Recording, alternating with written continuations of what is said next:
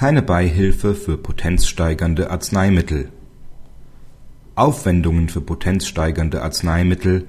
wie Viagra und ähnliche Präparate sind auch dann nicht beihilfefähig, wenn die Mittel einem Beamten zum Ausgleich der Folgen einer schweren Erkrankung wie etwa einer krebsbedingten Entfernung der Prostata ärztlich verschrieben worden sind.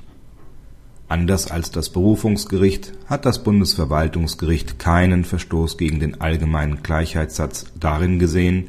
dass die Beihilfevorschriften des Bundes in Übereinstimmung mit entsprechenden Bestimmungen, die für die gesetzlich Krankenversicherten gelten, die Beihilfefähigkeit für diese Medikamentengruppe ausschließen. Der Ausschluss beruht auf der Erwägung, dass diese Mittel ungeachtet der krankheitsbedingten Ursache der behandelten Leiden nicht erforderlich sind, um einen vom Willen und vom Verhalten des Patienten unabhängigen Leidenszustand zu beseitigen oder zu lindern und deshalb zu den Arzneimitteln zu rechnen sind, die in ihrer Wirkung nicht von sogenannten Lifestyle-Produkten abzugrenzen sind, von denen auch Gesunde Gebrauch machen. Das Bundesverwaltungsgericht sieht es als gerechtfertigt an, diese Fallgruppe anders zu behandeln als die Fallgruppe behandlungsbedürftiger Leiden, die unbehandelt unzumutbare Beschwerden nach sich ziehen oder gar zu einer weiteren Gesundheitsverschlechterung führen.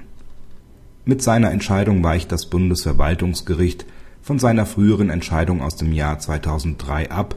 in der es die Beihilfefähigkeit solcher Mittel noch bejaht hatte. Die jetzige Entscheidung beruht auf einer 2004 in Kraft getretenen Änderung der Beihilfevorschriften, mit der das Bundesinnenministerium auf die frühere Entscheidung reagiert hatte.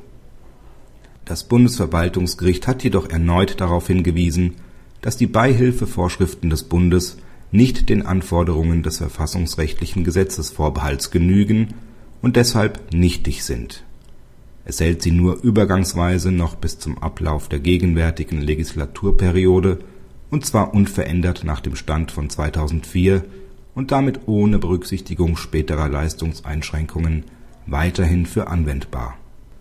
Bei weiterer Untätigkeit des Gesetzgebers werden die Verwaltungsgerichte nach Ablauf der Übergangsfrist über Beihilfeansprüche ausschließlich nach den Kriterien der Notwendigkeit und Angemessenheit im Einzelfall zu entscheiden haben